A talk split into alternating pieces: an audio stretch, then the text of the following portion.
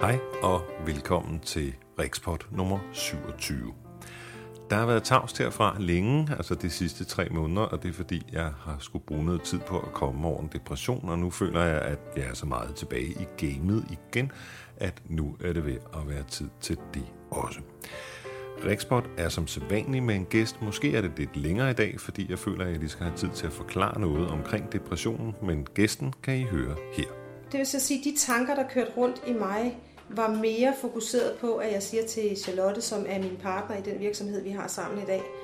Charlotte, vi havde aftalt, inden jeg fik kraft, at vi ville starte det her op sammen. Hvis du stadig er frisk, for der er meget tabu omkring det her med at være alvorligt syg og starte ting op med alvorligt syge patienter, så er jeg stadig på, hvis du er. Dagens gæst hedder Susan Binau, og som du måske har gættet, har hun ikke sklerose, men øh, er derimod kræftpatient. Og jeg tænkte, jeg ville interviewe hende, selvom hun ikke var medlem af vores lille, eksklusive hemmelige klub. Og det er, fordi hun har nogle sindssygt gode budskaber omkring det at være ærlig og åben og handle på trods af nogle svære omstændigheder. Velkommen til Rikspot nummer 27. Først skal der herfra lyde en stor og hjertelig tak til alle dem, der sendte mig nogle øh, mails, da jeg nu meddelte, at nu er jeg deprimeret og måtte trække stikket ud. Øh, ja, der er på min mailingliste, jeg fik i hvert fald at vide, at, øh, at jeg havde fået en depression, og det lunede helt utrolig meget at få så mange mails og hilsner på Facebook også. Så rigtig mange tak for det, og undskyld, at jeg ikke kunne svare udførligt på dem, men det havde jeg simpelthen ikke energi til. Men I skal vide, at det varmede, og tusind tak. Rigtig mange sklerosepatienter bliver ramt af depression. Jeg ved ikke præcis, hvor mange det er svært at få oplyst. Jeg ved i hvert fald, at mange sklerosepatienter er på antidepressiv medicin, fordi det på en eller anden måde hjælper i hvert fald med de kognitive problemer, oplever nogen. Jeg tænker mig at snakke lidt om det her inden interviewet og også efter.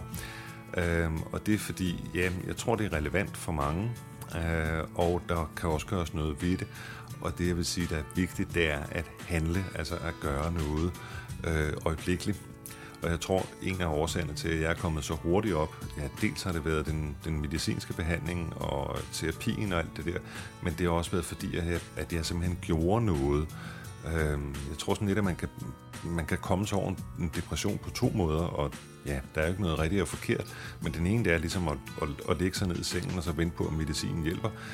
Og den anden det er at forsøge at påvirke processen så meget som overhovedet muligt, uden at, at lægge pres på sig selv, uden at sige til sig selv, at man skal. Øh, jeg ved ikke, om jeg har en eller anden hurra-opskrift på depression, men øh, ja, i hvert fald så kan du høre den her efter interviewet, og øh, ja, så må du selv vurdere.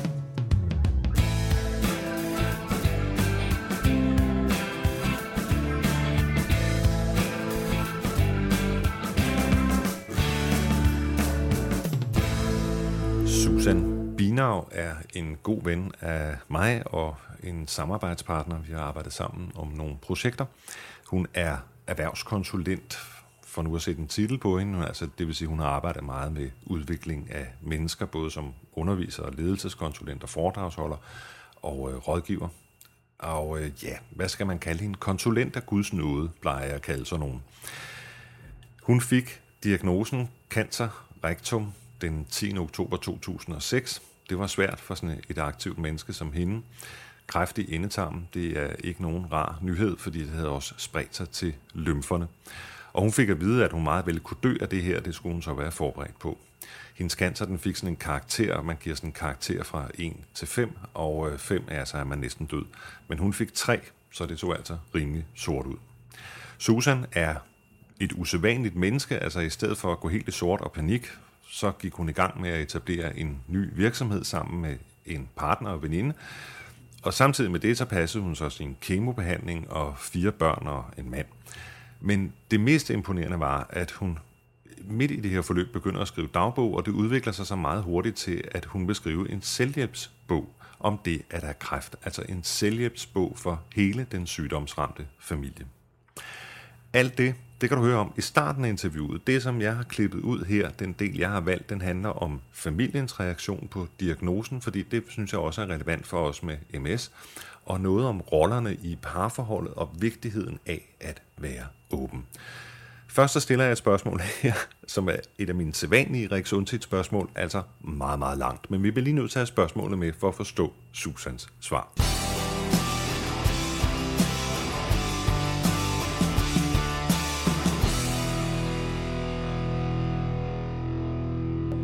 Det, det, at du begynder at skrive, øh, jeg vil godt tale lidt mere om bogen, ja. øh, men, men det, at du begynder at skrive, er det ikke også en måde at holde de negative tanker væk på?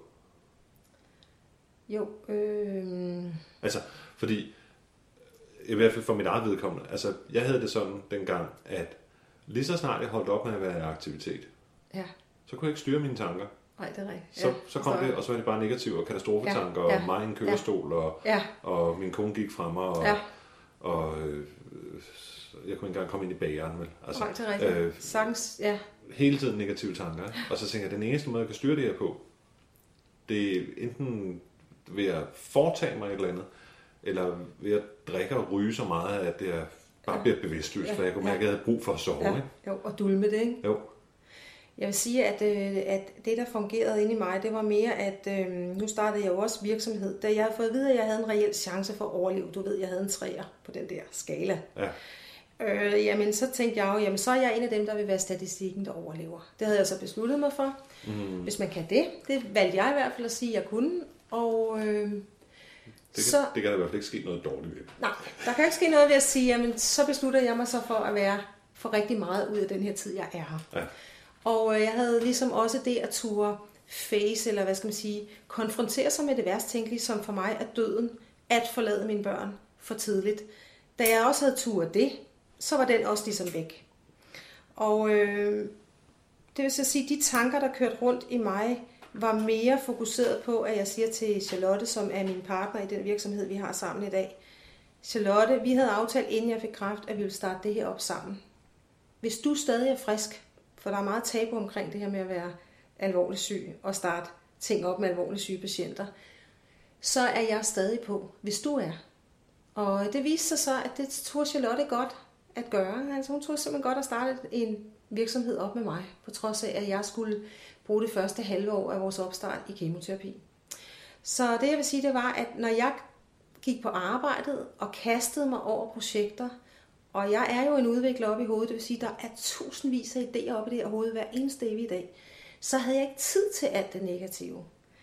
Der kunne, også, der kunne være dage, hvor jeg havde så mange bivirkninger, at kroppen ligesom tog over. Øh, og når jeg så var hjemme og ikke var på arbejdet, så mærkede jeg de bivirkninger gange 100 mere, end hvis jeg var på arbejde, for jeg glemte alt om det. Er det ikke også vigtigt? Altså nu vil jeg så sige sådan nogle psykologord, som at man ja. skal sætte sig ned og tage det roligt og trække vejret og mærke, jo, hvordan man jo. har det inde, inde i kroppen og være ærlig over for sig selv og tillade sig selv at have alle de negative følelser og bla bla bla bla bla bla. Jo. Altså var, var Allan din mand, var han ikke sådan, okay Susan, nu tager du edder med, man slapper. Altså du skal ikke starte firma nu. Nej, det var han, nej, det vil jeg sige, det var han overhovedet ikke. Han øh, bakkede det 100% op. For han kunne mærke, det var godt for mig. Han sagde, det der, det er jo dig. Altså når man nu er... Nej, jeg vil sige sådan, Rix, at øh, nogle gange fik jeg tanken, Susan, er du tosset? Er du skør? Mm. Vil, kunne jeg ikke sætte mig ned og mærke ordentligt efter? Øh, var der noget, jeg flygtede fra? Og så videre. Så ringede jeg til Kirsten Helbjerg, som er psykolog på Kraftlinjen. En fantastisk dygtig og meget, meget erfaren psykolog inden for øh, mennesker i, øh, i, i sådan noget sygdom her, og sorg og krise og alt det her. Så siger jeg til hende, meget ærligt, Kirsten, er jeg tosset. Øh, jeg synes jo selv, jeg har været igennem og turde konfrontere med alt det her. Jeg har også mærket, at jeg græder, når jeg skal græde og alt det der. Og så siger hun til mig, og det synes jeg var så dejligt ord, selvfølgelig er du da ikke tosset. Du kan jo ikke udvikle eller skrive en bog, eller, eller have, have en masse idéer, hvis du stadig var i krise. Du ville jo heller ikke have sat dig ned og talt med dine børn om døden og din begravelse, hvis du havde været, ikke havde tur konfrontere dig selv. Så tvært imod har du bare lagt det bag dig. Du har tur at være igennem det, som rigtig mange mennesker igennem flere år slet ikke tør at kigge på. Det har du bare gjort, som det helt naturlige, og du er også kommet videre. Nu kan jeg ikke citere hende fuldstændig ordret, men jeg husker, det var noget af det, hun sagde, fordi jeg netop havde den tanke. at det her helt normalt? Og til det sagde hun, nej, det vil ikke være gennemsnittet af kraftpatienter, der mestrede det på den måde, som du gør. Det vil det ikke. Og, øhm, og det er også usædvanligt. Og jeg tager hatten af for det, du gør. Især at du også gerne vil gøre en forskel for andre mennesker. Men nej, selvfølgelig er det ikke det, vi ser. Vi ser meget ofte, at patienten går hjem og er patient, og også bliver fastholdt i rollen som patient mm-hmm. af omverdenen. Og det gør altså noget ved mennesker at blive fastholdt i rollen som patient. Jo, jeg fik bare at vide, at jeg skulle gå hjem, og så skulle jeg nok tage det roligt. Altså. Ja, ja. Øh, og efter at have travet rundt i min lejlighed i tre dage, og måtte konstatere, at jeg tager det overhovedet ikke roligt. Nej, nej, så nej. hvordan tager man det roligt? Ja. Jeg, jeg synes, det er jo bemærkelsesværdigt, det du har gjort, og, og specielt det der med at fortælle det til familien, det ved jeg er noget, der er svært for mange sklerosepatienter. Hvordan, hvordan gør man det? Ikke? Ja. Jeg kender en sklerosepatient, hun har haft sygdommen nu i syv år, hun har endnu ikke fortalt det til sin mor. Nej, det er fordi hun synes, det er synd for hendes mor, fordi hun har så meget at slås med. Ja. Øh, altså, det er meget, meget... Det, det, det må da være helt ufatteligt svært, hvordan... Altså, klagen du oven i dit hoved, så skal de alle sammen være sammen. Du har fire børn, jo. Ja, ja. Så, så hvad, siger I? Øh, hvad gør man? Altså, det er jo sådan næsten et, et Kodak moment, ikke? Altså, Jo. hvordan, hvordan gør man? Jamen, øh, man spørger inde i sin, man spørger sig selv, hvad, hvad er klogest at gøre nu? Og så synes jeg jo, man får et svar fra hjertet, kan du kalde det, fra maven. Øh, øh, jeg, mine store piger vidste, jeg havde været til den her undersøgelse. De krævede selvfølgelig et svar af mig. Og øh, jeg vil helst have, at de stod foran mig fysisk, ligesom jeg havde forventet også, at Allan skulle stå foran mig fysisk, min mand. Og der fik de svaret. Øh, og igen, Så du samlede ikke hele familien, du tog det sådan... Nej, jeg tog dem øh, en efter en, for de er meget forskellige, mine børn, og derfor skulle de også have forskellige, øh, ikke forskellige svar, men der var forskellige måder at lægge øh, ordet på. Den store, som er meget, øh, spurgte mig lige ud over telefonen, mor, det kræft? Og der var jeg nødt til at sige, øh, ja, Den store, var ja hun, gammel? hun var 19 år dengang. Okay, ja. Jeg fik diagnosen. Og så kom hun hjem og sov hos os, fordi børnene går lige så meget i chok, som vi gør. Den lille, hun var, ja, hvad var hun dengang? Hun var så 15 år og en meget sårbar alder at være pige og i puberteten. Og øh, der var jeg nødt til så at sige, at øh, det var kræft. Jeg vil gøre alt for at overleve og have den positive vinkel på. Uden at jeg overhovedet kunne ane, om jeg havde tre måneder igen. Men bare for, at hun overhovedet skulle kunne rumme det, være så positiv som muligt. Og til vores øh, søn på 10 år, der øh, var jeg meget nøgteren, og der ringede jeg til kraftlinjen og talte med en også en erfaren øh, psykolog der og sagde, hvor meget må jeg fortælle ham? Og så sagde hun, du skal sige sandheden. Men, øh, men også fortæl ham rent praktisk, hvad der skal ske med ham, hvis du dør. Det har de brug for at få at vide den alder. Hold. Ja. Altså det var gode tip, fordi øh, det har jeg fundet ud af senere hen, at Hvor gammel er han? han var 10 år. Så jeg beskriver faktisk i min bog, hvordan jeg sagde det til ham. Ja, fordi det bliver da nysgerrig. Nu har jeg læst dem, men jeg lader bare som om jeg ikke har læst dem. Ja, ja. Altså, hvor- hvor- hvordan forklarer man til en 10-årig, hvad kræft er? Altså jeg spurgte ham, ved du hvad kræft er, Christian? Og så siger han, ja det ved jeg godt, det er noget man dør af. Mm. Mm, ups, skulle jeg lige synge. Så siger jeg, men du ved også godt, der er nogen, der overlever det. Ja, det vidste han også godt, fordi han kendte en, hvis mor havde haft kræft, og hun levede der vist nok stadigvæk. Mm. Øh, Så siger jeg, mor har været til den her undersøgelse, og det viser sig, at jeg har kræft inde i maven, inde i min tarme. Det svarer til sådan en lille bitte fodbold på 5 cm. Den skal lægerne nu skære ud af min mave. Uh, siger mor, gør det ondt, mor? Nej, de bedøver mig med en sprøjte. Nå, åh, det var godt. Øh, når den så er skåret ud, så øh, må vi så se, for det kan godt have spredt sig, men det kan også være, at det ikke har spredt sig. Så siger han, dør du mor af det? Så siger jeg ja til Christian, så jeg, jeg dør. Jeg ved ikke, om det bliver kraft, kræft, eller om det bliver at blive kørt ned af bussen, eller, men det er i hvert fald fælles for alle mennesker, vi skal dø. Jeg håber ikke, jeg skal dø af kræft, fordi så synes jeg, jeg skal dø for tidligt for jer. Men det, du skal vide, det er, at, at hvis jeg skal dø snart eller alt for ung, så bliver der taget hånd om dig. Jamen, så vil jeg bo hjemme hos far. Jeg vil lige indskyde her, at jeg er fraskilt, og han bor hos mig. Mm. Så sagde jeg til ham, selvfølgelig skal du hjem og bo hos far. Og alt det vil der blive taget hånd om. Var det også ham, der spurgte, om han måtte få dine PC'er, Ja, hvis du døde? ja. Det er faktisk der, den slutter, fordi øh, så siger jeg til ham, vi skal nok blive ved med at holde dig informeret, eller vi skal nok fortælle dig, når der sker nyt her. Og øh, du kan altid spørge os, og hvis du bliver ked af det, sig til, du må ikke gå med det indeni. Og så talte vi lidt om, hvordan han gerne ville have, at jeg skulle fortælle det til hans klasselærer. børn er meget, børn bryder sig ikke om for meget åbenhed. Øh, det bryder de sig ikke om. Så vi, vi aftalte med hver enkelt af børnene, hvordan ville de gerne have, at vi skulle sige det til deres lærer.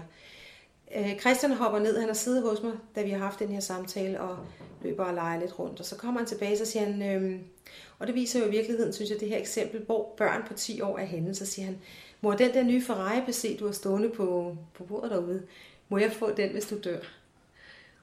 Og så sagde jeg, selvfølgelig må du det, Christian. Den skal da ikke gå til spil. Og så grinede vi jo af det, og så sagde han, mor, du ved godt, jeg ikke mener det her alvorligt, men, men jeg, jeg var bare nødt til at spørge. Og det viser jo i virkeligheden, hvor børn er henne. Ja. Øh, og, og det var så befriende, jeg tænkte bare i virkeligheden, aha, det var da bogens titel, mor, må jeg få din PC, hvis du dør. Ja. Det var så umiddelbart, og nogen øh, har senere i øvrigt sagt til mig, det var da en barsk titel at vælge på en bog. Så sagde jeg, men velkommen til reality, velkommen til virkeligheden. Mm. Det her, det er virkeligheden. Det er det, en 10-årig siger. Ikke? Hvordan reagerede Allan egentlig, din, din mand? Hvordan han reagerede? Han blev frygtelig, frygtelig ked af det, og han, øh, han øh, var lige så ked af det, som jeg var det, og han var i chok og græd, og vi reagerede jo meget voldsomt. Han, øh, som ellers ikke er særlig overtroende, blev enormt overtroisk, øh, og han lavede et alter i vores soveværelse, og bad til Gud, og gik i kirke, og altså blev virkelig, virkelig troende. Altså virkelig, vi satte alt ind på at bede til, hvad der ellers var at kunne bede til. Ja. Uh, og jeg læste også altså, i bogen... Und, undskyld Gud, jeg ikke har bedt i 35 ja, år. Ja, og han, han beskriver faktisk i bogen, og det er faktisk der, jeg har læst det, at hvis bare han tog højre, venstre ben ud af sengen i stedet for højre ben, og hvis han lovede at gøre bod på et eller andet, han lavede aftaler med Gud hele tiden, mm-hmm. så kan jeg få lov at beholde hende. Uh, det skal, vi har jo kendt hinanden så mange år, vi har også fået den her efternøler sammen, og havde faktisk så os selv blive gamle sammen, og, og vi lavede faktisk et billede, øh, som vi brugte meget til at visualisere. Et billede, hvor vi sidder på en bænk, hvor vi er gamle, og hvor vores lille søn kommer gående op af, af havegangen med sin kone og et lille barn imellem sig. Sådan at vi på den måde havde et fælles fremtidsbillede. Mm. Og det her billede sendte vi ud til vores øh, venner og bad dem om at se det samme. Lad være med at se mig som patient. Vi ikke godt fokusere på det her fremtidsbillede. Og der var ikke nogen, der syntes, det var underligt. Øh, alle sammen støttede os i det her fremtidsbillede. Og øh, senere fik jeg, jo så ikke fordi jeg har brug for ros af nogen som helst, men psykologen sagde, det er en super måde at mestre det her på, at skabe en fremtid, et håb. Ikke fokusere så meget på sygdommen, den er der jo, men fokusere på håbet og fremtiden. Mm. Sammen, hvordan vil vi gerne have, at fremtiden skal se ud. Så øhm, Allans reaktion for helt at vende tilbage til dit spørgsmål, den var jo øh, i starten meget krise, ligesom jeg selv. Øh, Men når, når han gik i krise, hvordan reagerede du så? Jeg synes, vi var meget i krise samtidig. så vi gik rundt og var i krise sammen. Vi viste ikke til børnene. De måtte godt se os græde, men ikke hele tiden. Mm. Jamen, han var så også nogle gange stærk, når jeg var svag øh, hvor han kunne ringe rundt til lægerne, og han brugte usædler af ressourcer i starten. Så gik han mere ned med fladet. Faktisk var det sådan, at mens jeg gik på arbejde, kunne han ikke gå på arbejdet. Øh, og øh, tog så en overlov for sit job. Han ejer også sin egen virksomhed, og fik så, hvad skal man sige, aftalt med sin partner og sine nærmeste kollegaer, at det var okay. Han kunne ikke, han formåede det ikke. Mm. Så der, hvor han har været stærk et stykke tid, hvor jeg var svag, der byttede rollerne. Er det ikke vanvittigt irriterende? At han var svag, ja. og jeg var stærk. Altså, det var i hvert fald det, der gjorde, at vi nogle gange øh, godt kunne synes, det var svært at nå hinanden. Øh, fordi øh, det var også noget af det, jeg holder foredrag omkring, det er, at når den ene er oppe, er den anden nede, og man synes som patient, hey, det er jo mig, der har den, ikke? Jo. Øh, det er jo ikke dig, hallo, det er jo ikke dig, der skal dø af kræft, vel, eller har fået sterose, eller tager dig dog sammen, ikke? Men der foregår bare så mange ting på et ubevidst plan hos os. Øh... Men tror du ikke også, at der er lidt psykologi i det? Fordi altså, det har jeg prøvet, øh, altså, det skal siges, jeg elsker min kone meget højt, og hun er den største støtte for mig, og ja. jeg kunne holde foredrag de næste 20 minutter, men, ja. men jeg vil lige have lov til at komme med lidt kritik. Ikke? Jo. altså, når der sker noget alvorligt, og det kan være, at jeg får et attack, eller som den sidste omgang, jeg har været igennem det der røvsyge, analfissur, ja. altså, så tager jeg det knusende roligt, og så går hun i panik. Ja. Altså, og, Og, og jeg har det sådan, at så siger jeg til hende, prøv lige at høre skat, du skal ikke græde nu. Jeg synes godt nok, det er synd for dig, at jeg har det dårligt. Ja. Men, men jeg har brug for, at du er stærk, og du handler. Jeg har ikke overskud til at ringe til lægen syv gange, fordi jeg kan få ring til lægen og stille ham de her spørgsmål. Nu har jeg skrevet dem ned til dig. Og jeg kan jo godt se, jamen det er jo noget fuck det her. Altså, fordi hvis jeg nu bare lagde mig ned på gulvet og, og gik i grundpanik, så ja. ville hun sikkert blive rolig. Ikke? Ja, ja. Men, men jeg tillader ikke mig selv at, at reagere på den måde, og, og derfor går hun i panik. Ja. Altså, jeg tror, der er sådan en, en eller anden form for psykisk fællesøkonomi. Ikke? Altså, så hvis den ene går i panik, bliver den anden rolig. Jo. Og jeg vil ønske, at jeg var bedre til at gå i panik i så fald. Men jeg tror ja. ikke, det er dig at gå i panik, vel? Nej, det er jo, det var også noget af det, som Allan og jeg har talt om. Jeg er jo ikke sådan en, der panikker. Øh, dybest set har jeg en tro på, at der sker også noget godt, når vi skal dø. Så jeg er ikke sådan, da, da, da, da, da. hvad skal der ske ned i et sort hul på Hørsholm Kirkegård. Så, øh, men, men når jeg blev angst, var det som sagt over at skulle væk fra mine børn. Og øh, jeg vil sige til det, du siger der, jeg tror, at der er rigtig mange, der kan genkende det, som har svær sygdom inde på livet, at, at i perioder er vi stærke, i perioder er vi svage. Og jeg tror, det er rigtig vigtigt, at øh, hver især får den hjælp, som den enkelte har brug for. Det vil sige, Allan skulle ikke være min psykolog. Jeg skulle ikke være hans psykolog. Allan gik til sin psykolog. Jeg havde dejlige veninder. Jeg havde kraftlinjen. Jeg brugte Kirsten meget. Kirsten psykologen. Rigtig, rigtig meget. Børnene havde øh, brug for hver deres øh, psykolog, øh, mormor og skråstreg veninder. Altså vi sørgede virkelig for at øh, også at leve livet, sådan at vi ikke trak hinanden ned. Øh, men tværtimod øh, sørgede for, at når, hvis Allan havde det skidt, så var det faktisk ikke mit ansvar at hjælpe ham op. Ligesom det faktisk heller ikke er hans ansvar at hjælpe mig op. Fordi vi stadig er to individer. Jeg ved godt, vi er gift, øh, vi er ægtepar, men det nytter ikke noget, vi trækker hinanden ned. Så det er bare vigtigt at gå ud i netværket og finde ud af at få nogle stærke ressourcepersoner udefra til at komme ind og hjælpe. Hvad nu, hvis man ikke har et netværk? Ja, masser af mennesker har ikke et netværk.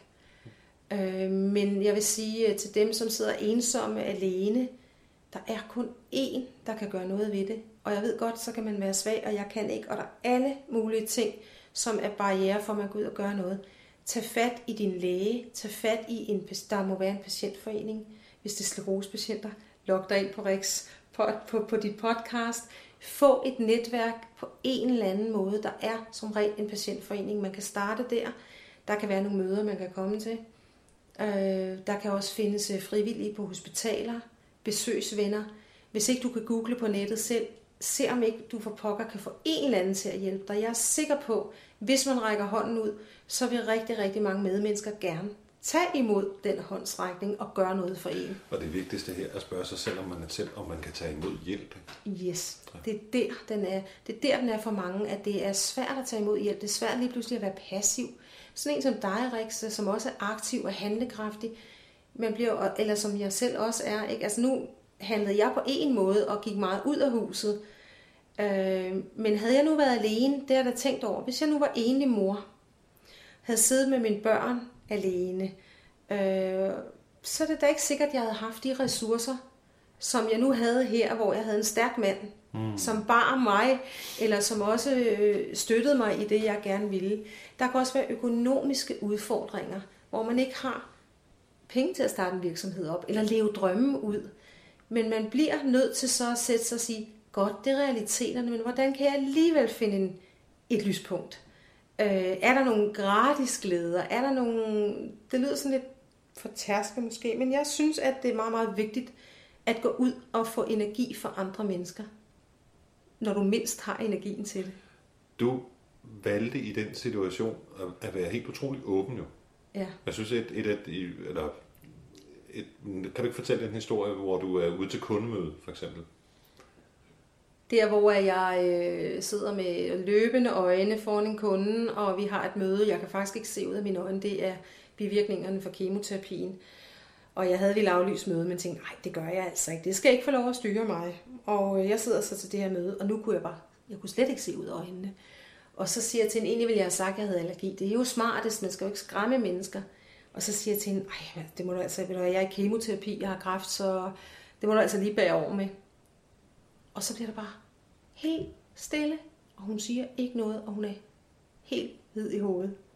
Og det er altså fordi, jeg tænker ikke over det, at det er et chok for hende at lige blive konfronteret med det. Så, øhm, så i og med, at jeg er så åben, som jeg er, så er der jo selvfølgelig nogen, der sådan tænker, um, ups, skal vi lige kunne forholde os til det? Ja. Men øh, det har jeg altså valgt at sige, det har jeg været hele vejen igennem, og øh, hvis der er nogen, der ikke rigtig kan takle, at jeg har kræft eller kemoterapi eller noget, så, ja, så er det jo ikke ligesom mit ansvar. Fik du kunden i øvrigt? Ja, det gjorde jeg. Okay. Er en rigtig god kunde. Hun skrev senere i øvrigt en artikel om mig, omkring den her åbenhed og, mm. og det her tur at konfrontere, eller, eller bare fortælle åbenhjertigt, at det er sådan, det er. Og så vil jeg sige, i øvrigt går jeg ikke ud til kundemøder og fortæller, at jeg har kræft. Nu var det bare sådan en særlig situation, ikke? Altså det, det, som jeg er blevet mødt af rigtig mange gange, men der er så taget en anden beslutning, øh, det er den der med, at man møder nogen og siger, Nå, hvordan har du det? Og, og, og, og så, altså, jeg når ikke at tænke, så jeg forklarer bare, hvordan jeg har det. Altså, når ja, jeg har det lidt ja. underligt i dag, og, og jeg kan ikke rigtig, øh, og bla bla, og så, øh, og, og så slutter man altid med et eller andet, men, men øh, i det mindste skinner solen ja, eller ja, ja, ja. Og så kan man bare se på deres ansigter, at, at, at det var egentlig ikke det, de spurgte om. Vel? Nej, nej, altså, det giver slet ikke lyst til at få alt det at vide. Øh, så, så nu ser jeg bare, jo, jo jeg, har det, jeg har det fint med dig. Ja. Altså, ja. Øh, men, men altså, det må da også have en pris at være så åben, har det ikke det? Hmm, en pris. Det vil have en pris for mig ikke at være åben. Øh, fordi jeg synes, der er så mange, der ikke er det. Så... Hvorfor skal hele omverdenen belemres med alt din dårligdom? Forstår du, hvad jeg mener? Øh, det, jeg synes, jeg belemmer omverdenen med, det er håb. Og, øh, og tanker om, man kan måske øh, gøre noget godt for sine børn ved at være åben. Så jeg synes ikke, jeg belemmer, jeg synes ikke, jeg belemmer med dårligdom. Jeg, jeg, altså det omkring bogen, det omkring foredrag, jeg går ud og holder for, for nu siger jeg... Nå, men det, det er nu også, når, når det kommer lidt på afstand. Ja, ja, ja. Men, men der, hvor, når du er i situationen, altså det, du, du, du var jo endnu, du var meget, meget sårbar, øh, da du sad til det kundemøde for eksempel, og du har sikkert også været meget åben omkring det i, i, i starten, hvor du lige havde fået diagnosen, ikke? Altså jeg vil sige, i forhold havde, til... Havde det ikke en pris også? Jo. Altså var der ikke nogen venner, som du altså, jeg, opdagede ikke? Jo, der, var, der, der har været nogle enkelte, der gik over på den anden side af gaden, når jeg mødte dem, for de havde jo hørt om det. Nej, jeg vil, jeg vil ikke sige, at nej, fordelene ved at være åben overstiger så meget ulempen ved at være lukket. Mødte du andre cancerpatienter for eksempel?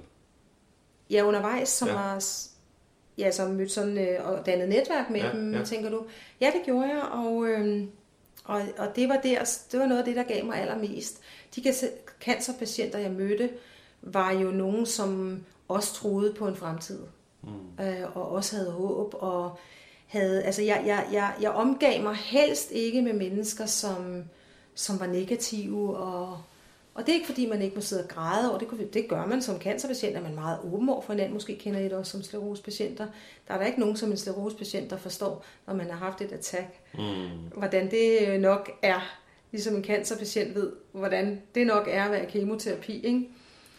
Så, så jo, jeg havde et uh, netværk af nogle, dels nogle, jeg mødte, da jeg blev opereret, og uh, senere, da jeg skrev bogen, uh, interviewet til bogen. Der var også en af dem, du mistede.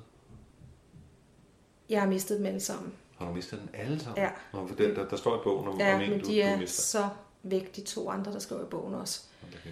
Vi var et netværk på fem. Nu er vi et netværk på et, altså på en på mig. Og, øhm, og, det, og det, det gør ved mig, det er ud over sorgen, jeg har sagt farvel. Øh, og jeg var der for to af deres, altså for to af dems vedkommende var jeg der øh, til deres, hvad skal man sige, de sidste døgn afskeden. Øh, og det gør, at øh, jeg føler mig ekstra forpligtet til at gøre noget ved mit liv. Fordi jeg føler mig så enormt privilegeret at stadig være her. Og øh, jeg føler også, at jeg skal give lidt deres budskaber videre. Øh, der er nogle ting, vi har været inde omkring. Øh, de havde også håbet i behold. Og der er rigtig mange, der jo siger til os, hvis bare du håber. Øh, men nogle gange gør canceren altså noget ved en, så uanset om man håber, så overlevede man ikke, men man havde håbet til det sidste, og så var det et mere værdigt liv, eller mm. et, et, et bedre liv. Men jo, jeg, jeg havde et dejligt netværk, og de har betydet verden for mig, og det er også dem, der er inspirator til, at jeg skriver min næste bog, der hedder Til sygdom og skiller.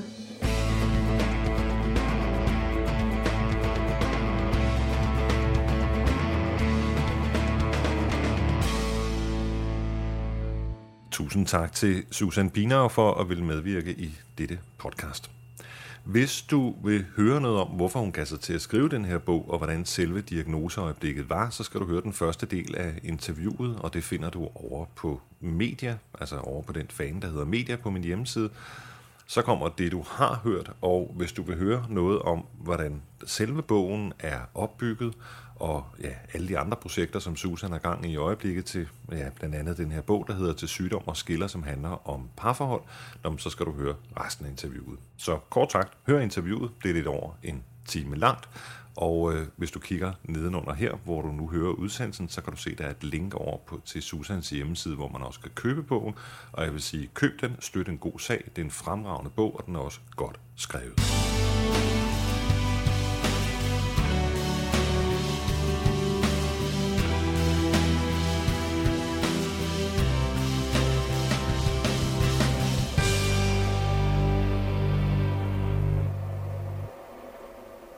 Mm-hmm. Jamen, så er der vist kaffe, tror jeg.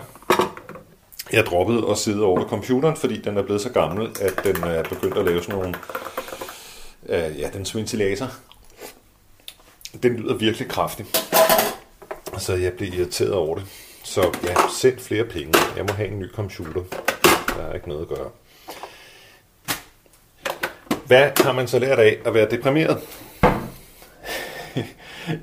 Ja, jeg har det sådan, at... Øh, ja, altså, det er bare sådan, jeg har det. Men altså, der er ikke noget i livet, der er meningsløst. Det kan godt være, at der er noget, der virkelig reelt set er meningsløst. Men, men jeg kan simpelthen ikke have, at der skal være meningsløse ting. Så øh, jeg måtte også på en eller anden måde prøve at finde noget mening i det at være deprimeret. Så nu er det så, at jeg begynder at kloge mig. Mm-hmm. En øvrigt sjældent smøg.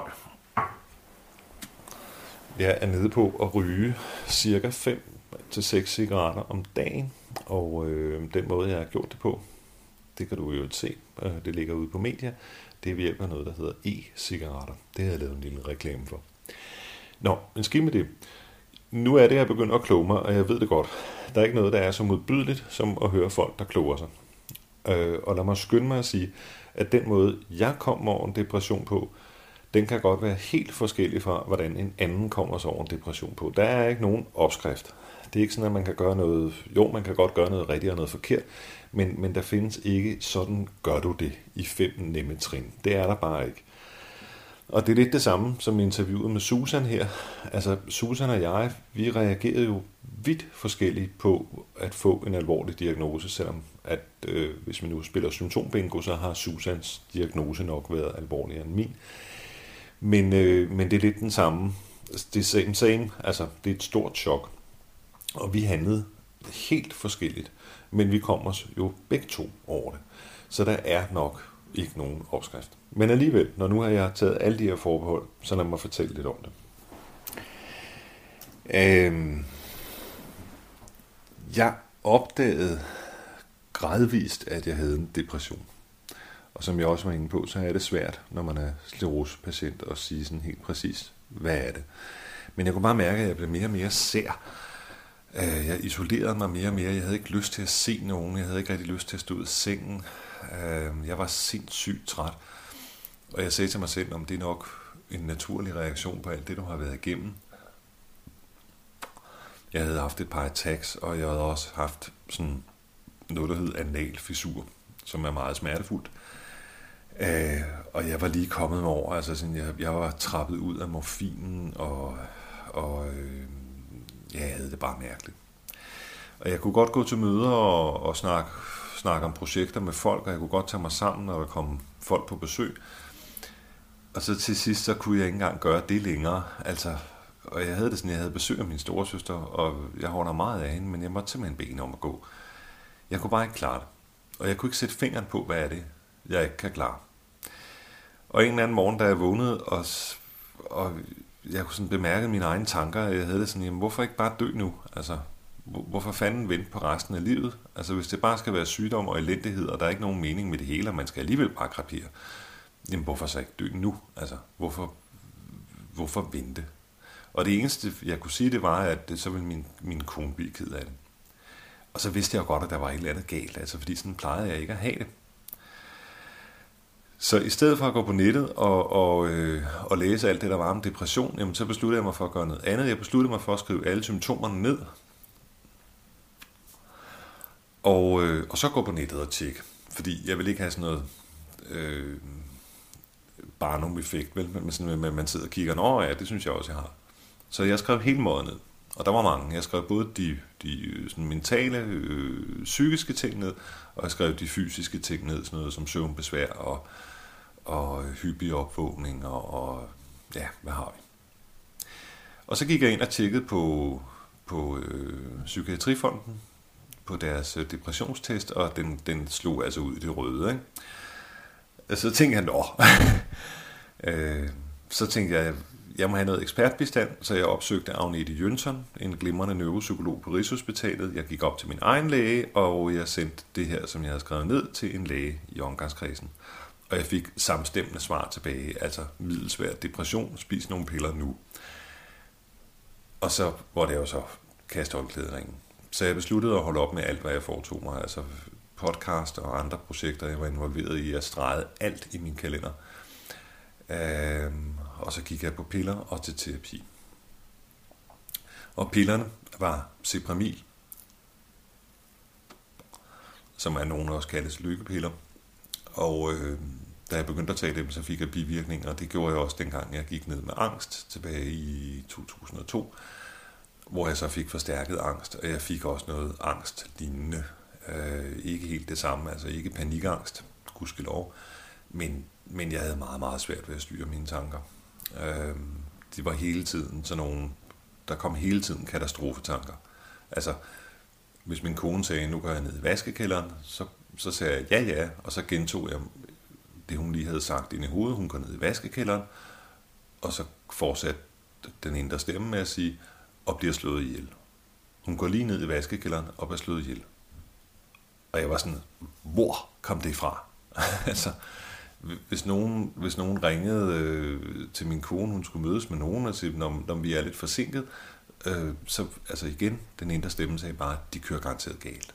Eller, det var garanteret en terrorbombe, eller ja, der var hele tiden katastrofetanker, jeg var ved at blive bims af det. Altså, jeg, øh, det var meget ubehageligt, og det var slet ikke mig.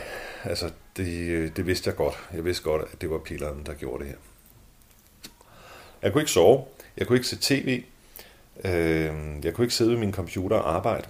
Jeg kunne ikke læse en bog. Jeg kunne ingenting. Øh, jeg kunne ikke forestille mig, at øh, jeg kunne slet ikke forestille mig en fremtid. Og det var meget chokerende for mig, fordi jeg plejede altid, og jeg plejer altid, hvis, hvis der sker et eller andet vemmeligt, eller man kommer igennem en krise, eller ud for et eller andet, så prøver jeg at lave sådan nogle rigtig positive fremtidsbilleder. Hvor er det, du gerne vil hen? Øh, det kunne jeg bare slet ikke. Jeg kunne slet ikke realistisk forestille mig noget, der lå længere væk end næste måltid. Det var helt umuligt. Bomber. Som noget måtte gøres. Hvis jeg skulle beskrive det, jeg kan huske, at jeg beskrev det til min terapeut, hvordan jeg havde det. Øvrigt bare det at komme op hos ham. Han har klinik på Nørrebro. Det var noget af en udfordring. Det var lige midt i bandekrigen. Altså, jeg ved ikke, om vi kan forestille hvordan at hjernen arbejdede med det begreb på Nørrebro. Nå. Øh, jeg beskrev det for ham, så sagde jeg, at det er ligesom om, at alle de personlighedsdele, man har, og, og at alle de personlighedsdele, jeg rummer, som jeg på en eller anden måde holder af eller synes om, ligesom en taget på ferie, så nu er jeg efterladt med alt lortet. Det var sådan, jeg havde det. øhm, og så sagde han, jamen, så må vi da håbe, at de kommer veludvilede hjem fra ferie, fordi de kommer jo hjem igen. Øhm, og det måtte jeg så trøste mig med. Ja, ja, hvad kan man gøre, når man ikke kan gøre noget? det hjalp ikke at snakke med andre mennesker om det. Det gjorde det ikke for mig. Jeg blev mødt af uforståenhed, og det er den samme uforståenhed, som jeg selv har præsteret over for depressionen. Altså, der må der være noget, der kan gå dig, få dig i godt humør. Prøv at se, solen skinner, og du har en sød kat og en dejlig kone og alt det der. Og jeg var, for at sige det lige ud, undskyld, jeg banner, fucking ligeglad. Altså, når min kat kommer og vil kæle, så bliver jeg bare irriteret. Øh, og jeg rev hovedet af min kone, jeg rev hovedet af en af mine venner, der kom for at sådan kvikke mig lidt op. Øh, jeg rev hovedet af fremmede folk, jeg ikke kendte, hvis jeg gik på gaden. Øh, ikke rart. Når jeg havde det sådan, at jeg gik tur op på kastellet, det holdt jeg fast i. Øh, når der så kom andre mennesker, så havde jeg bare lyst til at skubbe dem, skubbe dem ned af, af, af volden. Altså, fordi de skulle ikke gå der, hvor jeg gik. så jeg var, jeg var godt nok cranky og, og asocial. Min storesøster ringede og kom med alle mulige velmenende forslag til, hvad jeg skulle foretage mig. Jeg havde det simpelthen sådan til at jeg måtte sige, prøv at høre, jeg kontakter dig, når jeg får det bedre. Jeg magter ikke at tale med dig. Jeg kunne virkelig ikke rumme andre mennesker. Øh, meget usædvanligt. Så jeg besluttede mig for at, at, øh, at sige, at, at om det her det er en gave. Det kommer, det lyder mærkeligt, og det er mærkeligt. Fordi ja, op i mit hoved, der, der må ikke være ting, som ikke giver mening. Så det her, det var en gave, jeg havde fået. Det var godt en underlig gave, en mærkelig indpakning. Men det var en gave for at finde ud af noget. Jeg måtte finde ud af noget, mens jeg var deprimeret.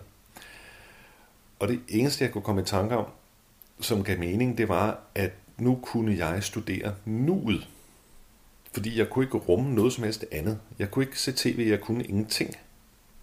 Så jeg blev nødt til at studere nuet. Så simpelthen bare sige, jamen, nu har du den bedste undskyldning for at være sygelig selvoptaget, fordi du har ikke kræfter til andet.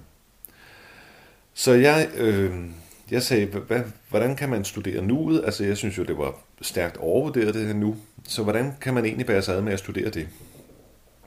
Og så måtte jeg gå i gang, så sige, at motion, altså, det er i hvert fald en ting, hvor man er til stede i nuet, og hvis man bare motionerer hårdt nok, jamen så, så, så kan man ikke tænke på andet, end hvor slemt det er. Så jeg kastede mig ud i hård motion, øh, to gange træning hos øh, fysioterapeut om ugen, og øh, 3-5 km om dagen øh, i strækmarche op på kastellet. Øh, så gik jeg i gang med at meditere. Ikke at jeg overhovedet har forstand på det, men jeg gik simpelthen på nettet og fandt noget om meditation, og så gik jeg i gang. Og så mediterede jeg to gange om dagen. Øhm, jeg brugte rigtig lang tid på Facebook, i øvrigt en glimrende opfindelse, fordi hvis man, man kan stadigvæk holde kontakt med sine venner og se, hvad de laver, og skrive små beskeder til dem. Man behøver bare ikke at være sammen med dem. Så, øh, så det hjælper også. Så brugte jeg tid på terapi, og øh, jeg vil sige, at ja, jeg tror aldrig, jeg har været så meget terapi hele mit liv. Altså, jeg, jeg gik så ofte, som jeg overhovedet kunne. Og langsomt, langsomt, langsomt begyndte det at vinde. Og det var simpelthen det der med, med, med, med nuet, der på en eller anden måde tænkte at du må reparere nuet, sådan at nuet bliver til at holde ud og være til stede i. Og når du har lært det, så kommer de andre personlighedsdele tilbage igen. Det var ligesom aftalen. Så jeg lå længe nede på gulvet og mediterede og lavede vejrtrækningsøvelser, hvor når jeg trak vejret ind, så det jeg trak ind, det var sådan en kærlighed. Og når jeg blæste ud, så var det skam. og det brugte jeg rigtig, rigtig lang tid på. Og det eneste, jeg gad, det var måske at lave mad. Ellers så gad jeg ikke noget. Og jeg havde det også sådan, at jeg, jeg kunne ikke der kom bare ikke noget ud af munden på mig. Altså, min, min kone sådan siger, hvordan, hvordan har dagen været? Og så, ja, yeah. altså, og der, der kom ikke noget ud af munden på mig. Så ja, jeg er en stor tak skyldig for, at hun har holdt mig ud i den her slemme tid. Øhm, og jeg var også, altså det lyder måske meget vemmeligt at sige, men når hun tog på arbejde, så var jeg virkelig lettet. Altså, jeg ville bare være alene og gå og reparere mig selv og gå og reparere på nuet. Så til sidst lykkedes det. Øhm, og jeg, jeg lavede sådan nogle små tests. Altså jeg sagde sådan, når du går gå en tur på kastellet, og du ikke har lyst til at skubbe de andre mennesker ned ad bakken, så er du nået lidt længere. Når du kan tage vandbussen og øh, sætte dig ned foran den sorte diamant og drikke kaffe uden at have lyst til at slå alle mennesker omkring dig ihjel, jamen så er du, så er du nået lidt længere. Og, og de der små tests, de kom sådan efterhånden tilbage med positive resultater øh, Øh, når du går ud og tager over og besøger din store søster, øh, så, så er du nået langt. Og ja, langsomt, langsomt, langsomt, så kom jeg tilbage igen. Jeg føler, at jeg har lært noget. Altså, jeg føler, at, at øh, der ligger nogle helt fantastiske kræfter gemt i det her nu. Nuet.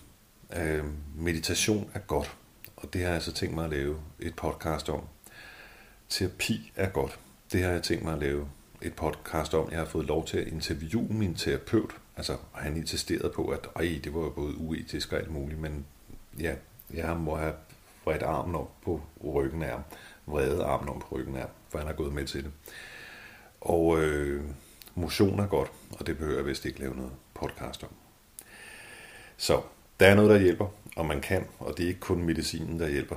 Altså, det andet hjælper fandme også. Så jeg håber, I kunne bruge det til et eller andet. Øhm.